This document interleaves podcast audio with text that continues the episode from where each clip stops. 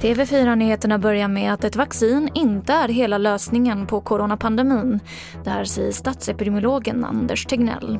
Han konstaterar att samhället ändå måste fortsätta skydda riskgrupper mot viruset.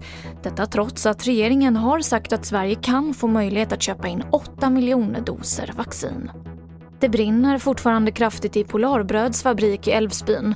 Branden startade igår kväll och det finns risk för gasutsläpp av ammoniak. Och räddningstjänsten uppmanar alla i området att gå inomhus och stänga dörrar, fönster och ventilation. Alla skolor kommer också hålla stängt idag.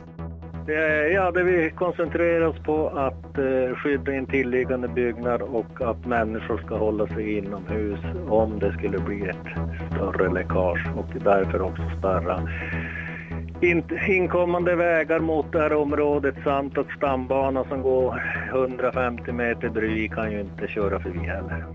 Det sa Torbjörn Johansson som är räddningsledare och mer om detta på tv4play.se och information som enligt grundlagen ska vara tillgänglig för allmänheten har hemligstämplats under coronapandemin, det skriver DN.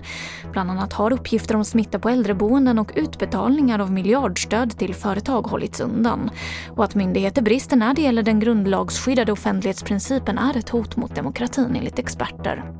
Och det var det senaste från TV4 Nyheterna. Jag heter Emily Olsson.